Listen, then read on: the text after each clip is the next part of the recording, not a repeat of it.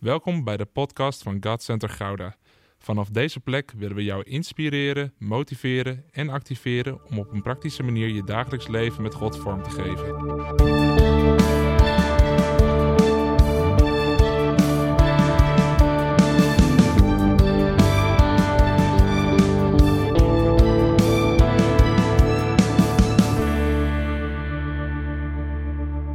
Het is goed om weer thuis te zijn. Heerlijk. En dan heb ik het niet alleen over dat we vrijdag thuis zijn gekomen in ons huis, maar dat we ook vandaag weer thuis komen hier thuis. We hebben een heerlijke tijd van vakantie gehad als eh, gezin, als familie. Het is zo goed geweest om met elkaar te zijn. Maar we hebben ook echt weer uitgekeken om hier vanochtend te zijn. Kinderen waren vanochtend al niet te houden, wilden vroeg mee op de fiets, want die vonden het heerlijk om weer hier rond te rennen. Weer, zelfs met die warmte, hier rond te rennen.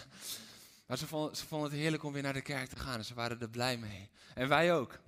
En ik hoop jullie ook en ik hoop dat jullie klaar zijn. Ik zag eh, vorige week had, uh, had André gesproken en toen had hij de avond tevoren, uh, volgens mij had jij het gedaan of in God Center account, maar stoelriemen vast. Want we gaan ervoor. Nou, ik zou zeggen, doe de stoelriemen maar vast voor de komende maanden. Want Jeroen is op vakantie geweest. en Jeroen heeft er weer heel veel zin in.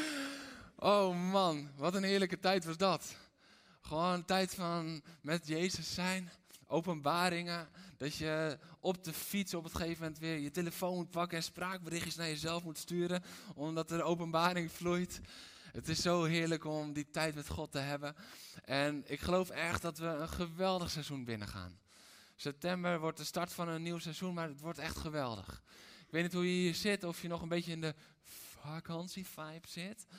Maar zorg dat je daar snel uitkomt en dat je helemaal staat te popelen. Want het wordt echt fantastisch. En ik geloof dat God al heel veel openbaring heeft gegeven over wat er gaat komen. En een onderdeel daarvan is dat er echt een shift gaat komen. Er gaat een shift komen in het geestelijke.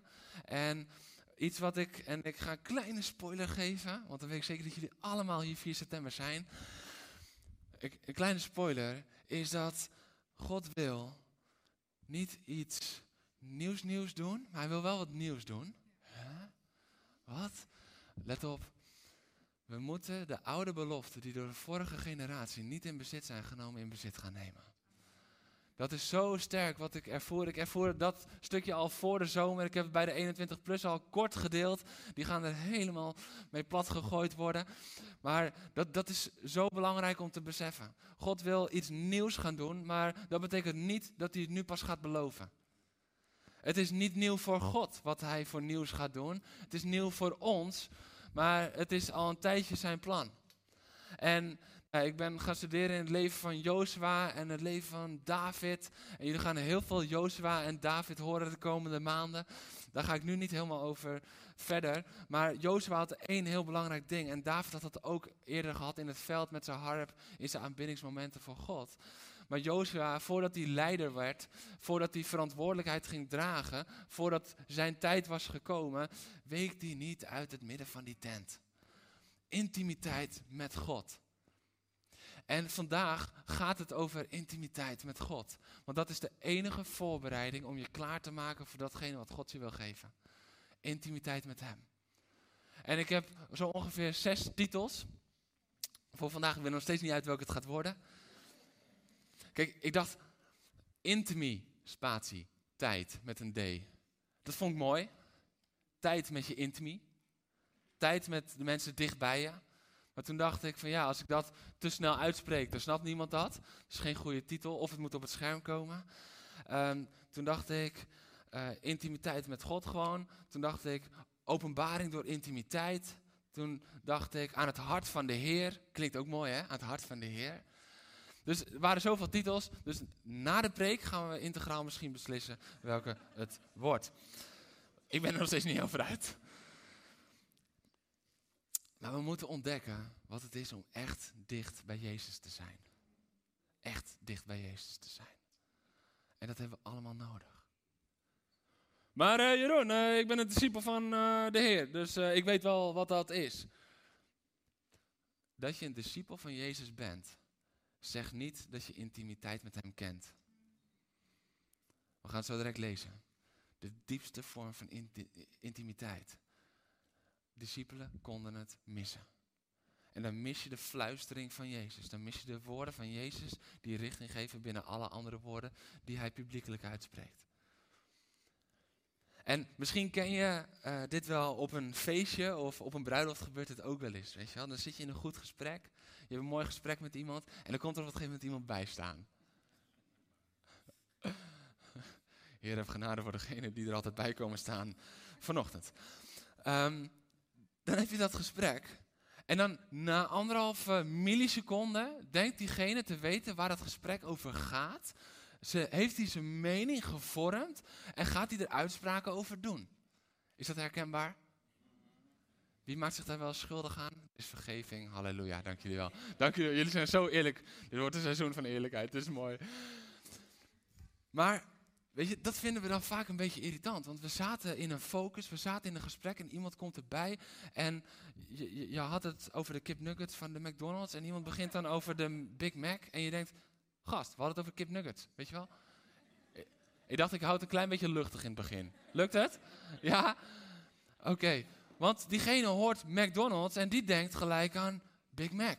Terwijl jullie hadden het over McDonald's kip nuggets. Nou ja, zo kan het ook over diepere onderwerpen gaan natuurlijk. Maar ik dacht, we bouwen het op vandaag, ja? Maar dat vinden we echt vet irritant vaak, als dat gebeurt. Nou, is mijn stelling, wij zijn als discipelen heel vaak degene die erbij komen staan. Niemand lacht meer. Wegluchtigheid. Ik had langer in de kipnuggets moeten blijven hangen. Dit. Maar als discipelen zijn we heel vaak die persoon die er even bij komt staan. Want we hebben ergens iets gehoord. We hebben ergens iets gelezen. We hebben een aanbiddingslied voor de helft gehoord. We hebben onze mening erover klaar. We hebben de preek hebben we voor vijf minuten geluisterd. Want daarna was onze focus weg. En we kijken daarom de shorts op YouTube en niet de hele preek, want dat is lekkerder en korter. En we hebben onze mening erover klaar. En zo gaat het heel vaak in het leven als christen ook. En we ventileren onze mening, we bouwen onze overtuigingen erop, terwijl we niet de volheid van het gesprek kennen. En dat is gevaarlijk. Dat is gevaarlijk. We hebben intimiteit met Jezus nodig om de volheid van zijn woorden, van zijn hart, van zijn liefde te begrijpen. Alleen discipels zijn van Jezus kan je nog steeds heel veel dingen niet goed begrijpen en verkeerd gaan handelen.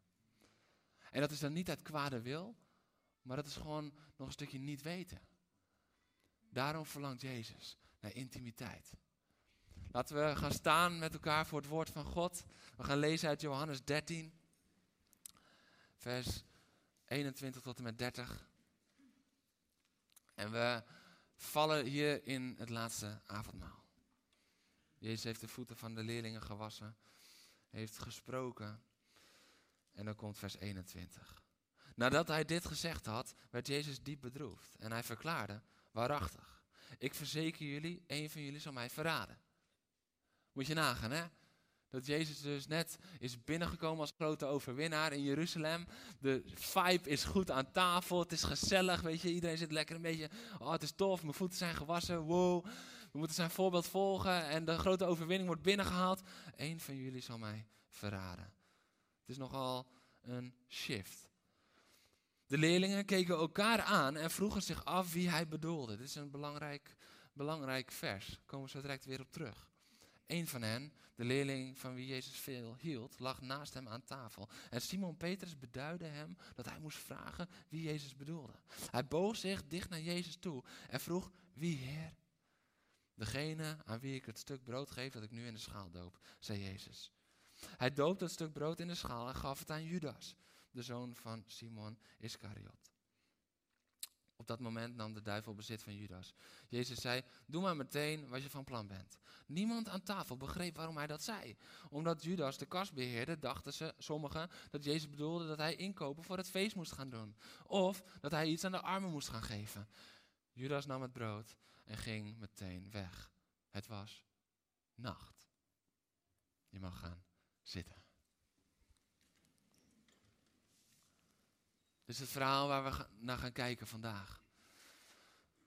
Allereerst voordat we gaan kijken naar waarom die intimiteit zo belangrijk is, wil ik even een duidelijk statement maken. Jij bent geroepen voor intimiteit. Je bent ervoor geroepen. Als je hier zit en je denkt, Heer, wat is mijn roeping? Dan heb je hem nu. Ja, want dit is je allereerste roeping. En sterker nog, zonder deze roeping kan je niet goed wandelen in de specifieke roeping die God voor jou heeft. Het is belangrijk om te beseffen, je bent geroepen voor intimiteit. In Johannes wordt het niet beschreven, maar in Lucas 22 zegt Jezus ook tegen de discipelen: Ik heb er vurig, ik heb er hevig naar verlangd om deze maaltijd met jullie te vieren. En nu denk jij misschien van, ja, leuke maaltijd met elkaar vieren. Uh, iedereen moet eten. Waarom dan niet samen? Weet je wel, we moeten toch eten met elkaar.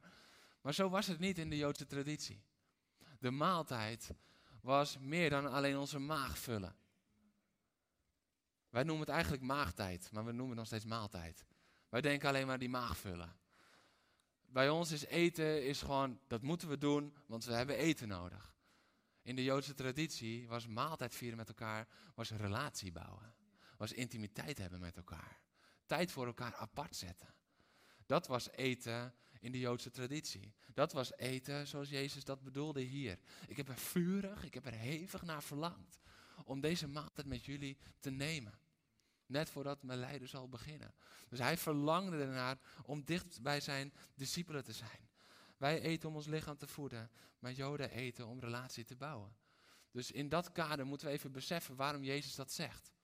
Hij zegt dat omdat hij verlangt naar intimiteit. En als we dan verder kijken in 1 Korinthe 1 vers 9, dan zien we ook dat Paulus dat had gepakt. Dat het gaat om intimiteit. Want hij, hij zegt dan, door God, door wie u geroepen bent om één te zijn met Jezus Christus, uw Heer, die God is trouw.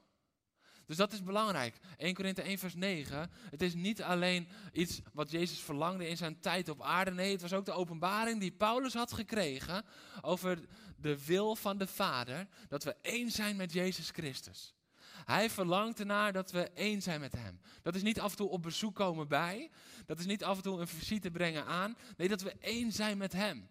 Dat we ons vereenzelvigen met Hem. Dat is intiem. Dat is intimiteit. Want intimiteit is geen optie. Het is geen extraatje voor de bij. Het is het verlangen van God. Het is geen mogelijkheid. Het is een roeping. Jij bent geroepen voor intimiteit. Dat is het belangrijke wat God daarover wil zeggen. U bent geroepen om één te zijn. Weet je, en Paulus was een van de meest geleerde mannen die er was. Hij was onder de fariseeën, onder de schriftgeleerden, hij, hij was vooraanstaand. Hij had kennis van het Oude Testament. Hij had kennis van de letter. Hij, hij kon zo roemen in, in alle kennis die hij had. Maar hij besefte, het gaat niet om mijn kennis, het gaat om intimiteit. Weet je, hij kon vooraan staan op wat hij allemaal wist. Wat hij allemaal kon. Hij was een succesverhaal in zijn oude leven. Maar hij verlangde naar intimiteit, omdat hij had beseft, dit is de roeping van God. En daarin zien we dat we kunnen zoveel leren over hem. We kunnen zoveel zien over hem. Uiteindelijk gaat het erom, zijn we dicht bij hem? Liggen we aan zijn hart? Paulus besefte dat je niet in je roeping kan wandelen als je geen gehoor geeft aan die eerste roeping. Intimiteit. En ik dacht, jullie mogen deze boodschap natuurlijk nooit meer vergeten. Dus ik denk dat het tijd is voor twaalf discipelen en Jezus om naar voren te komen. Um, nou ben ik de tel kwijtgeraakt bij de mensen die ik heb. Dus ik hoop niet dat we 14 discipelen hebben. En we doen een spelletje. Wie is die Jezus? Nee, Niels. Ja, en zo gingen ze zitten en ze dekten de tafel heel goed. Zie je gelijk wie Petrus is, hè? die pakt die tas. Twee, vier, zes, zeven. We hebben nog vijf discipelen nodig. Wie is, wie is er graag discipel van Jezus? Je hebt geen tekst. Kom maar naar voren. Ja, kom maar. Kom maar.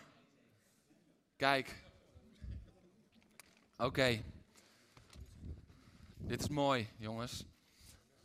En het is gezellig aan tafel. Het is gezellig aan tafel. Ja. Want dit is de situatie, hè? De situatie is terwijl zij heel gezellig blijven doen, want het blijft gezellig aan tafel. Het blijft gezellig aan tafel. Is dit de situatie? Want Jezus is als grote overwinnaar binnengehaald. Jezus is op die ezel binnenkomen rijden en de overwinning lijkt wel duidelijk te gaan worden. Jezus gaat nu, gaat hij ze eindelijk bevrijden van die Romeinen. Eindelijk is het klaar met dat Romeinse Rijk en Jezus gaat het doen. Dat is de grote verwachting, dat is wat ze denken. En Jezus die wordt diep bedroefd. Niemand heeft het door, want verder is het vet gezellig. Ja, maar Jezus wordt diep bedroefd. En opeens komt daar dat woord, hoge woord eruit. Dat hoge woord komt eruit. Eén van jullie gaat mij verraden. Eén van jullie gaat mij verraden. En nu gebeurt er iets interessants. Ik zei al dat we erop terug gingen komen. Ze kijken elkaar aan en ze gaan bij zichzelf te raden. Ze kijken elkaar aan en ze gaan bij zichzelf te raden. En dit is een hele interessante. Want op het moment dat we Jezus niet begrijpen, wat doen we dan vaak? We gaan naar de anderen kijken en bij onszelf te raden. Maar degene aan wie we de eigenlijke vraag zouden moeten stellen, die laten we er vaak buiten, Jezus zelf.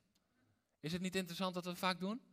Als we het niet begrijpen, dat we uit de intimiteit stappen en dat we denken, oh, laten we even naar onze buurmannen kijken. Laat ik eens even bij mezelf te raden gaan. Wat vind ik hiervan? Wat denk ik hiervan? Hoe kijk ik hiernaar? Dat is wat er vaak gebeurt. Terwijl intimiteit is. Heel goed.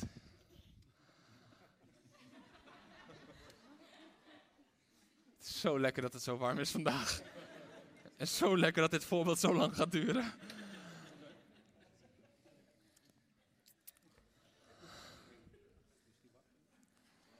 Eerst nog even wat anders. Blijf lekker liggen. maar, maar, maar dit is wel wat er gebeurt. Ze denken van, Jezus, hoe, hoe, hoe kunt u nu met dit nieuws komen? Het was zo'n feeststemming aan tafel. Het is net voor de grote overwinning. De hele voorbereiding is geweest, drie jaar geïnvesteerd. En net voor de grote overwinning die we gaan binnenhalen. U bent al soort binnengehaald in Jeruzalem. Nu gaat u komen met onze zwakke plek. Niet de beste timing, Jezus. Is het herkenbaar? Dat je ergens aan, voor aan het voorbereiden bent. En dat net voor het moment dat je gaat uitstappen in geloof, dat er een zwakke plek opkomt. En dat je denkt, niet de beste timing nu, Jezus. En dat je dan zelf die zwakke plek gaat lopen te onderzoeken en proberen te vermijden. En dat je uit de intimiteit met Jezus stapt en het zelf gaat oplossen. Is het herkenbaar in ons leven?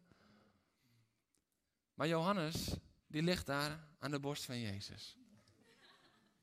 Ja, het staat er letterlijk in de, in de grondtekst. Weet je, in de MBV hebben ze gezegd, zit naast Jezus. Maar de realiteit is, hij lag aan de boezem, aan, aan de borst van Jezus. En hij was intiem met Jezus.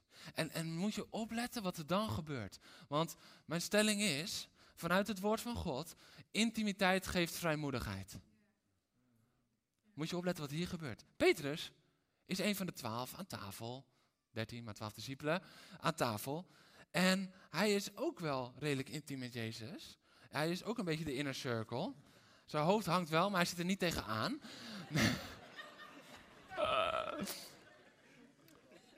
Foto. Nee, uh, maar hij is niet zo intiem zoals Johannes is. En moet je opletten wat er dan gebeurt. Pak de microfoon maar. Uh, want dan gebeurt het, dan zegt hij, hey, Johannes, kom er even bij. Johannes, kom eens. Hey. Goed zo, goed zo. Um, vraag jij even wie het is? Vraag jij even anders wie het is, dan weten we het. Dit is essentieel. Hier lezen we honderdduizend keer overheen als we dit verhaal lezen. Want wij denken alleen maar van, oh ja, de verrader en Judas die ging van tafel en noem maar op. Maar wat hier gebeurt, zegt alles over intimiteit. Want Johannes was aan de borst van Jezus. Petrus niet. Petrus niet. Petrus was drie jaar lang haantje de voorste. Drie jaar lang. Hij was het, u bent de Messias. Hij zei, u gaat niet lijden, de duivel verhoede dat. God verhoede dat, bedoel ik, God verhoede dat. Hij, hij had altijd zijn mening klaar. Maar nu het aankwam op een vraag heel dicht aan het hart van Jezus, durfde hij niet. Hij durfde niet. En dat is intimiteit, geeft vrijmoedigheid. Want Johannes, die ging naar Jezus en die zei, wie is het? Wie is het? Goed zo. Ga, gaan we weer lekker liggen. Hij vroeg, wie is het? Weet je, en, en wij, wij kunnen dan nog wel eens een beetje denken van, ja, weet je, wie is het? Wat is dat voor RTL Boulevard? Vraag. Moet je nou weer alles weten? Is dat niet een beetje... Nee, hij wilde oprecht weten wie het was met een beetje hulp van Petrus. Maar dat is een goede vraag om aan Jezus te stellen, want de rest zat nog steeds elkaar aan te kijken. Heb je het door? Ja, de rest zat nog steeds naar elkaar te kijken, want de sfeer was aardig goed omgeslagen. En weet je wat je dan krijgt? Dan krijg je gemor onderling. Dit zouden jullie achterin moeten horen. Jongens, hoe doen we morgen in de kerk? is mooi, is mooi. maar er komt gemor onderling. Want iedereen denkt van, wie is de mol? Wij denken dat het een nieuw concept is, 15 jaar geleden. Maar het begon daar al. Wie is de mol? Want en mensen gaan naar elkaar kijken. Maar weet je dat dit ook heel vaak gebeurt in de kerk? Dat er, als er een woord is van, hé, hey, er is iemand die een ander, uh, andere gedachte heeft. Of er is een woord van, hé, hey, ja goed, zo ga lekker liggen.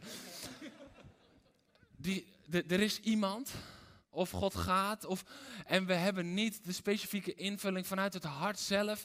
Dat we zelf gaan invullen en dat we wantrouwend worden naar mensen. Er is iemand met verkeerde bedoelingen en gelijk van de 350, 400 broeders en zusters is er nog maar één betrouwbaar. En dat ben je zelf. Vind je zelf. Maar dat is vaak wat er gebeurt. Er wordt naar elkaar gekeken, bij zichzelf te raden gaan en we gaan zelf invullen. En iedereen denkt op het gegeven moment van, ja weet je, het zal Thomas wel zijn. Ja, ja Thomas is, uiteindelijk is het altijd Thomas. Weet je, zo, kunnen ze hebben gedacht. Of ja, die Andreas. Andreas. Het, en je ziet de spanning toenemen, ook onderling. Want er is een woord uitgesproken, maar het is niet helder. Maar de helderheid komt pas in de intimiteit.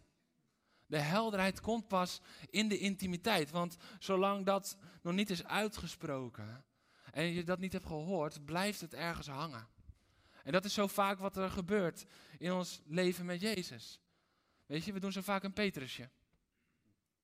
We hebben een nieuwe, we doen een Petrusje. En dat is namelijk dat we horen de woorden aan tafel, we horen de woorden in de gemeente. We horen de woorden in de grotere setting van we zijn discipel van Jezus met elkaar. Maar als het erop aankomt, hebben we zelf niet de intimiteit met Jezus om richting, bevestiging of iets te vragen. En we doen een Petrusje. Hij deed het bij Johannes. Maar hoe vaak is het niet van, meneer de voorganger, heeft u niet een woord? Mevrouw de worshipleider, als u nou iets op uw hart krijgt. Lieve oudste, zou u willen bidden voor mij? En het klinkt mega geestelijk, toch? Oh, wat een verlangen. Wat mooi. Maar weet je, jouw relatie met Jezus moet niet afhankelijk zijn van het woord dat ik of iemand anders ontvang. Je hebt je eigen intimiteit met Jezus nodig. Want anders heb je een probleem als ik een keertje geen 2,5 week, maar 2,5 maand op vakantie ga. Het is niet profetisch, die 2,5 maand. Maar Peet gaat glimmen op de eerste rij. ja, dat is mooi. De sfeer aan tafel verbetert ook weer.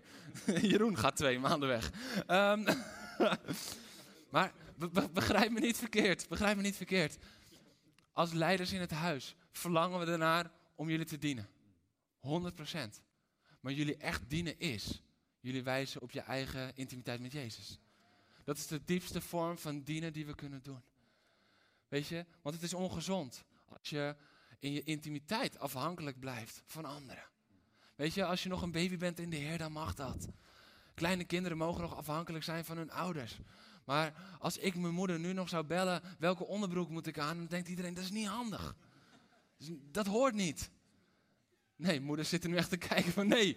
Dit is een heel bizar voorbeeld. Maar is het geestelijk niet vaak wel zo? Dat we bij het minste of geringste, dat we daar de stem van een ander nodig hebben, omdat we nog te afhankelijk zijn en niet zelf die intimiteit met Jezus hebben. Maar Jezus verlangt ernaar dat we aan zijn hart zijn. En dan komt die vrijmoedigheid, want niemand aan tafel durft het te vragen, tenzij je weet wat intimiteit is. Als je niet intiem bent met Jezus, ken je zijn hart niet goed genoeg om de durf te hebben om het te vragen. Vanuit intimiteit komt vrijmoedigheid. Niemand anders durfde het. Zelfs Petrus niet. En hij doet een Petrusje. Maar wij zijn geroepen om van de positie van Petrus naar de positie van Johannes te klimmen. Niet door goede werken te doen. Niet door goed genoeg te worden. Niet door onze genade te verdienen. Helemaal niet. Maar om gewoon dicht bij Jezus te gaan zitten. Dat is wat er gebeurt.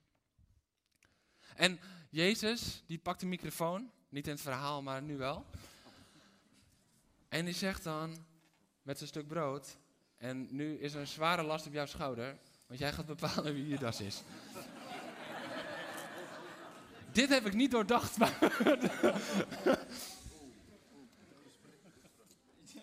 Na de dienst kan je naar voren komen voor gebed. voor degene die het brood krijgt. Degene aan wie ik het stuk brood geef, dat ik nu in de schaal doop, zei Jezus. Dus Johannes heeft gevraagd, wie is het Heer?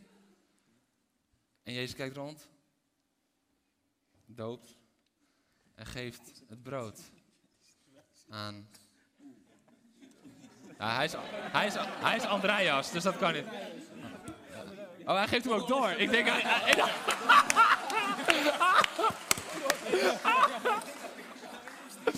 Oh, jongens. E eentje voor het team. En, en Judas gaat gelijk weg, inderdaad. Heb je slim bekeken, want de rest zit hier nog even.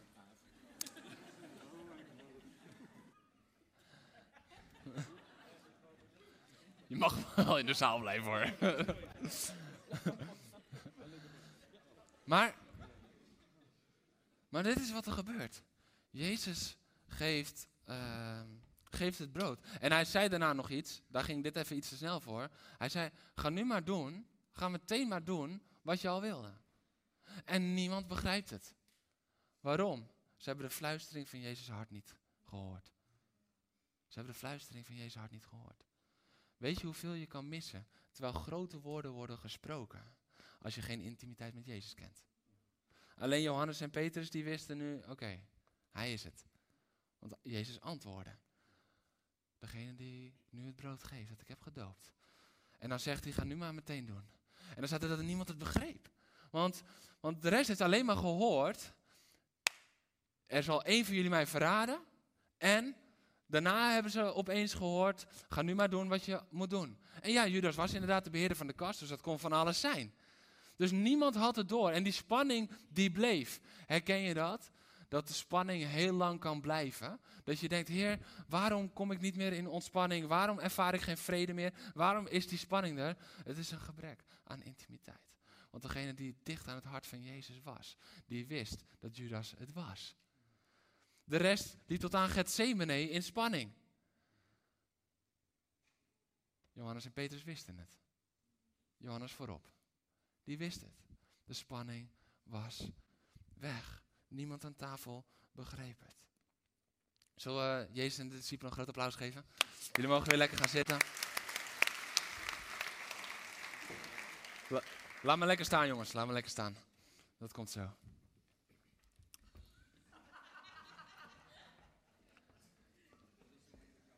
Zitten ze nou mijn broodjes mee te nemen?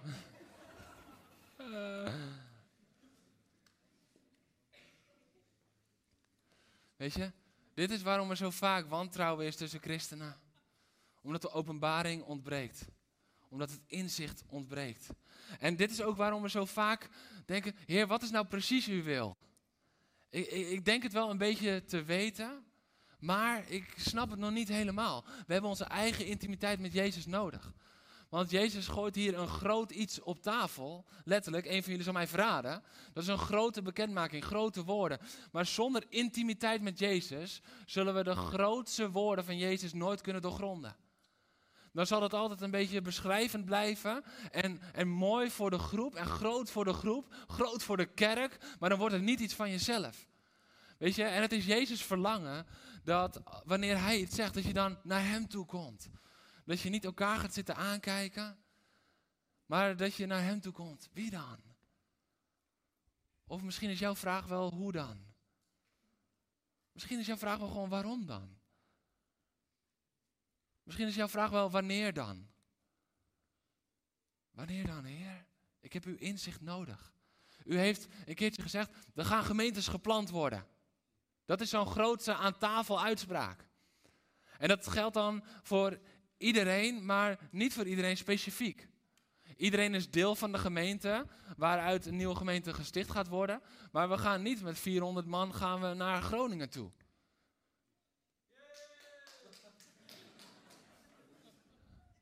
Iemand is blij dat hij hier mag blijven. maar, maar het is wel belangrijk dat we inzicht krijgen, zeker als het wel om ons gaat. Want ik ben er zelf van overtuigd dat dit iets is in het hart van God. Dat hij zo verlangt naar die intimiteit. Omdat zoveel christenen eigenlijk al lang klaar zijn om ergens in te gaan stappen, uit te gaan stappen, iets te gaan doen met hem, voor hem. Maar dat door gebrek aan intimiteit, dat ze alleen in dat grootste blijven hangen en denken van ja, fantastisch dat we over een paar jaar daar een keertje heen gaan. Fantastisch dat iemand dat mag gaan oppakken. Maar waar is de vraag, wie dan? En wanneer dan? En hoe gaan we dat doen dan? En we gaan het bij elkaar, maar het is de bedoeling dat we het aan Jezus vragen. Want in de intimiteit, daar vindt het antwoord plaats.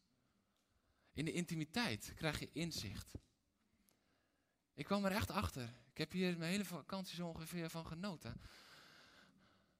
Dat dit de reden is waarom zo vaak dat de grootste woorden gepredikt kunnen worden, maar dat we dingen niet zien gebeuren. Ik heb heel vaak gedacht, Heer, hebben wij als predikers het dan zo vaak fout?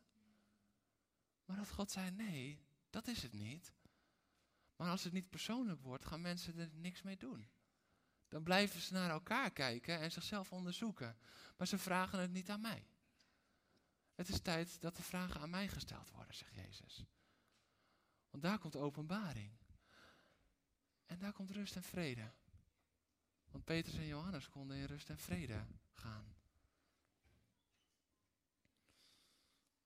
Jezus spreekt de belangrijkste woorden in de fluistering en niet hardop. De belangrijkste woorden voor onderscheid, voor inzicht, spreekt hij in de fluistering en niet hardop. Laat me je dit voorbeeld geven. In het nieuwe seizoen, ik heb er net al wat over gedeeld, heeft God zo'n duidelijke boodschap gegeven. Zo'n duidelijke dat we de belofte van die vorige generatie in bezit moeten gaan nemen. Dat zijn grote woorden, dat zijn, dat zijn woorden aan tafel. Dat is wat Jezus dan zegt aan tafel in zijn gemeente. We zijn met elkaar aan tafel vanochtend. Dat zijn de grote woorden van Jezus. En, en dat blijft hangen en dan kunnen we naar elkaar kijken van zo, ja, jij zal wel gaan opstaan. Weet je, dat, dat, dat is het moment dat Jonathan misschien kijkt van, ja Roel, dit wordt jouw seizoen. Uh, ik kijk naar hem, hij zal het wel zijn. Of dat de andere kijkt van, ja Jaap, die, die, die zal het wel zijn. We kijken naar elkaar. Maar als die woorden gepredikt worden, dan zijn ze altijd bedoeld om mee te nemen je intimiteit met Jezus in. En als we dat gaan doen als gemeente, dan gaat die belofte van God gaat exploderen. Als we dat gaan doen als gemeente, weet je wat de kracht daarvan is? Niet zozeer, weet je, het gaat me niet om het uiterlijke effect. Weet je, het gaat om het koninkrijk van God. Maar weet je waar het wel om gaat? Als jij het meeneemt, je intimiteit met Jezus in, dan ben je met je hele hart betrokken. Dan gaan we het met z'n allen doen. Dan zijn het er niet veertig die keihard rennen. En nog een aantal die erbij zitten. En de rest als toeschouwer. Het koninkrijk van God kent geen toeschouwers. Het koninkrijk van God kent geen toeschouwers. Alleen deelnemers. Alleen deelnemers. En jij bent er een van. Alleen hoe ga je ermee om? Ga je langs de zijkant staan? Je staat in het veld. Misschien denk je van, nou laat mij maar even kijken. Nee, je staat in het veld. Dus de bal kan opeens jouw kant op komen. Niet schrikken. Je staat in het veld. Maar sta je langs de zijlijn of ben je onderdeel van het spel? Dat heeft alles te maken met de intimiteit die je durft aan te gaan. De woorden aan tafel zijn superkrachtig, maar missen hun uitwerking op het moment dat we het niet intiem maken. Naar ons eigen hart trekken. En misschien zit jij hier gedesillusioneerd. Vanuit wat je allemaal hebt meegemaakt in het leven. In het leven met God, met de kerk. God heeft je niet teleurgesteld, maar de kerk misschien wel. Mensen misschien wel. En je bent nog steeds aan het kijken. Want dat is wat er vaak gebeurt, hè? Vanuit de pijn van vroeger. Vanuit de pijn van wat er is gezegd, wat er is gedaan, wat er is gebeurd. Blijven we eindeloos kijken naar elkaar. Zie je wel, er is weer een verrader.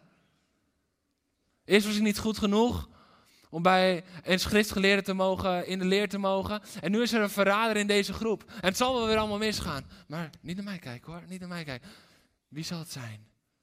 En we vergeten naar Jezus zelf te gaan. Aan zijn borst. Daar komen onze diepe levensvragen. Die moeten we daar stellen. Weet je waar wij onze diepe levensvragen vaak mee naartoe nemen? We luisteren preken, we lezen boeken, we leven zo ongeveer op YouTube. We luisteren naar anderen. En dan zeggen we, we zijn zo op zoek naar onze roeping, naar onze bestemming, naar onze plek, naar wat God van ons wil. Maar de enige aan wie we het moeten vragen, die slaan we over. Intimiteit met Jezus. Ga liggen aan de borst van Jezus. Spendeer daar tijd.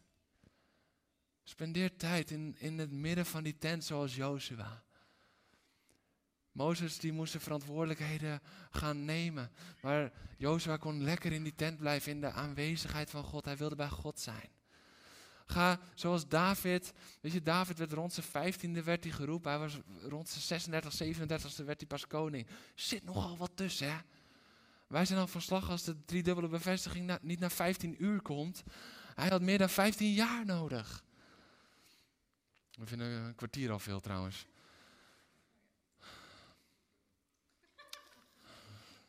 Deze is voor iemand hier. Nee, nee.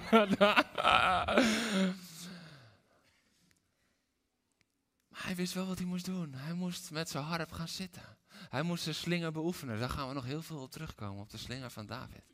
Dat was een geweldig, diepe boodschap die God ook weer gaf. Maar hij wist wat hij moest doen. Dicht aan het hart van Jezus zijn, dicht aan het hart van God zijn en zich beoefenen in wat hij in handen had gekregen van God. En dat is wat God ons ook toeroept. Dicht aan zijn hart zijn.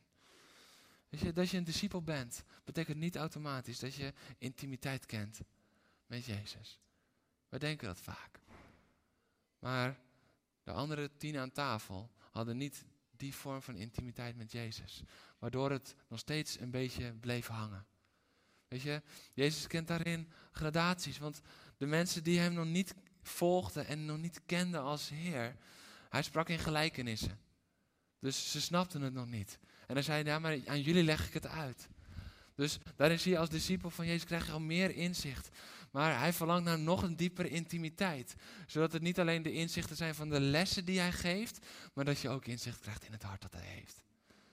Wij nemen zo vaak genoegen met intimiteit en dat we dan openbaring krijgen over de lessen die hij geeft. Maar hij wil openbaring geven over het hart dat hij heeft. Want daar komt elke les uit voort. Als we de openbaring van zijn hart leren kennen, dan gaan we al het andere ook inzien en begrijpen. En je kan de vraag pas stellen als je dicht bij Jezus bent. Want dan heb je vrijmoedigheid. Petrus kon de vraag niet stellen. Niet omdat Jezus niet mocht, hij kon het niet. Johannes moest het doen. Die andere tien discipelen, die keken gewoon alleen maar naar elkaar. Het kwam niet eens in ze op om de vraag te stellen. Je kan de vraag aan Jezus alleen stellen als je dicht bij hem bent. Jouw openbaring komt niet altijd door een profeet. Jouw openbaring komt niet altijd als een bliksemslag, een briefje uit de hemel.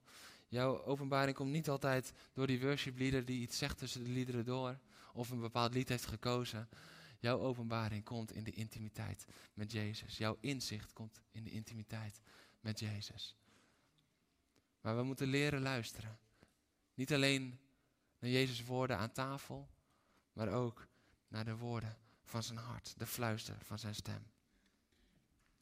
En dat is de roeping die hij je geeft vandaag. Dat is de simpele roeping. God heeft vandaag eigenlijk maar één roeping, één boodschap voor je. Kom aan mijn hart. Word één met Jezus. Je bent ertoe geroepen, 1 Korinthe 1 vers 9. Kom aan mijn hart. Wees een Johannes. Aan de borst van Jezus. Zodat je de fluister van zijn stem kan horen. Zodat je de vragen van jouw hart kan stellen. Zodat je weet bij wie je moet zijn. En dan wil ik afsluiten hiermee. Ik noemde het net al kort, maar dan vervaagt elke onrust. Onrust vervaagt alleen in intimiteit. Onrust vervaagt niet door de wonderlijke hand van Jezus, maar door het liggen aan het hart van Jezus. Daar wijkt de onrust. Want dat zien we, dat er wordt verder niet meer over gesproken aan tafel. En, en ze gaan het avondmaal vieren en, en dan zien we dat ze naar de tuin gaan en Jezus gaat bidden. Er wordt verder niet meer over gesproken. Dus die discipelen zitten nog steeds zo allemaal naar elkaar te kijken. En het blijft onrustig aan tafel. Maar Petrus en Johannes konden rustig zijn. Want zij wisten het. Zij hadden inzicht gekregen in wat de grote woorden van Jezus aan tafel betekenden voor hun leven, voor het grotere geheel. Jezus liet ze niet in afwachtendheid. Alle discipelen blijven in spanning. Maar zij kunnen, vanuit de intimiteit die ze hebben gehad, het antwoord dat ze daar hebben gekregen, kunnen ze door hun inzicht in de rust zijn. En dat inzicht geeft rust in de storm. Weet je, dit is niet het wonderlijke werk dat de zee in één keer gaat liggen. De storm gaat nog wel even door. Maar ze hebben inzicht. Dat is intimiteit met Jezus. Het is niet altijd de oplossing van het probleem. Het is rust en vrede in het probleem. Dat is het hart van Jezus. Het handelen van Jezus zien we ook heel vaak. Dan worden ziekten uh, worden genezen en bevrijdingen vinden plaats en wonderen en tekenen gebeuren. Maar dit is wat er gebeurt aan het hart van Jezus. De storm kan nog even doorgaan. Het verraad gaat nog steeds plaatsvinden. De strijd moet nog steeds gestreden worden. Maar er is rust en vrede, omdat je inzicht hebt gehad vanuit het woord, vanuit het hart van Jezus. Zelfs bij verraad. Jezus vraagt, terwijl de worship naar voren mag komen, je vandaag één ding. Misschien vraagt hij jou wel, kom aan tafel. Misschien zegt hij wel, kom aan tafel. Kom erbij. Omdat je nog nooit echt met hem aan tafel hebt gezeten, omdat je nog nooit echt hebt besloten om hem te volgen. Als je al aan tafel zat, al aan tafel zit, dan vraagt hij je vandaag, wil je de Johannespositie innemen? Wil je aan mijn boezem, aan mijn borst, aan mijn hart komen? Zodat je de woorden aan tafel gaat begrijpen vanuit de fluister van mijn hart. Zodat het niet alleen bij discipelschap blijft, maar intimiteit ook echt wordt. Wil je aan mijn hart komen? We vragen of we met elkaar gaan opstaan.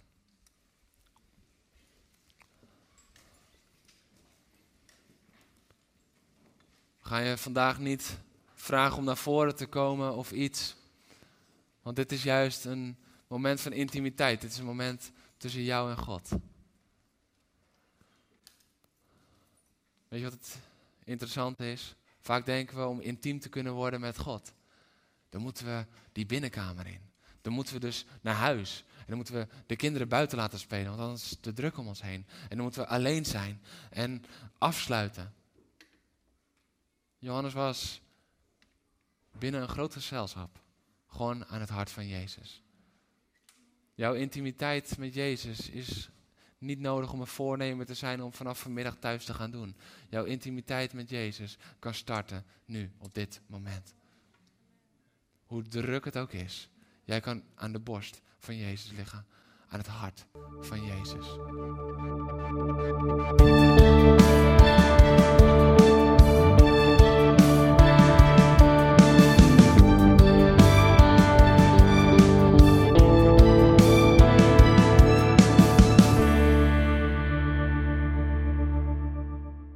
Bedankt voor het luisteren naar deze podcast. Volg ons op onze kanalen om verbonden te blijven. Heeft deze aflevering jou geraakt? Deel dan op je socials en tag ons, zodat we samen meer mensen kunnen bereiken.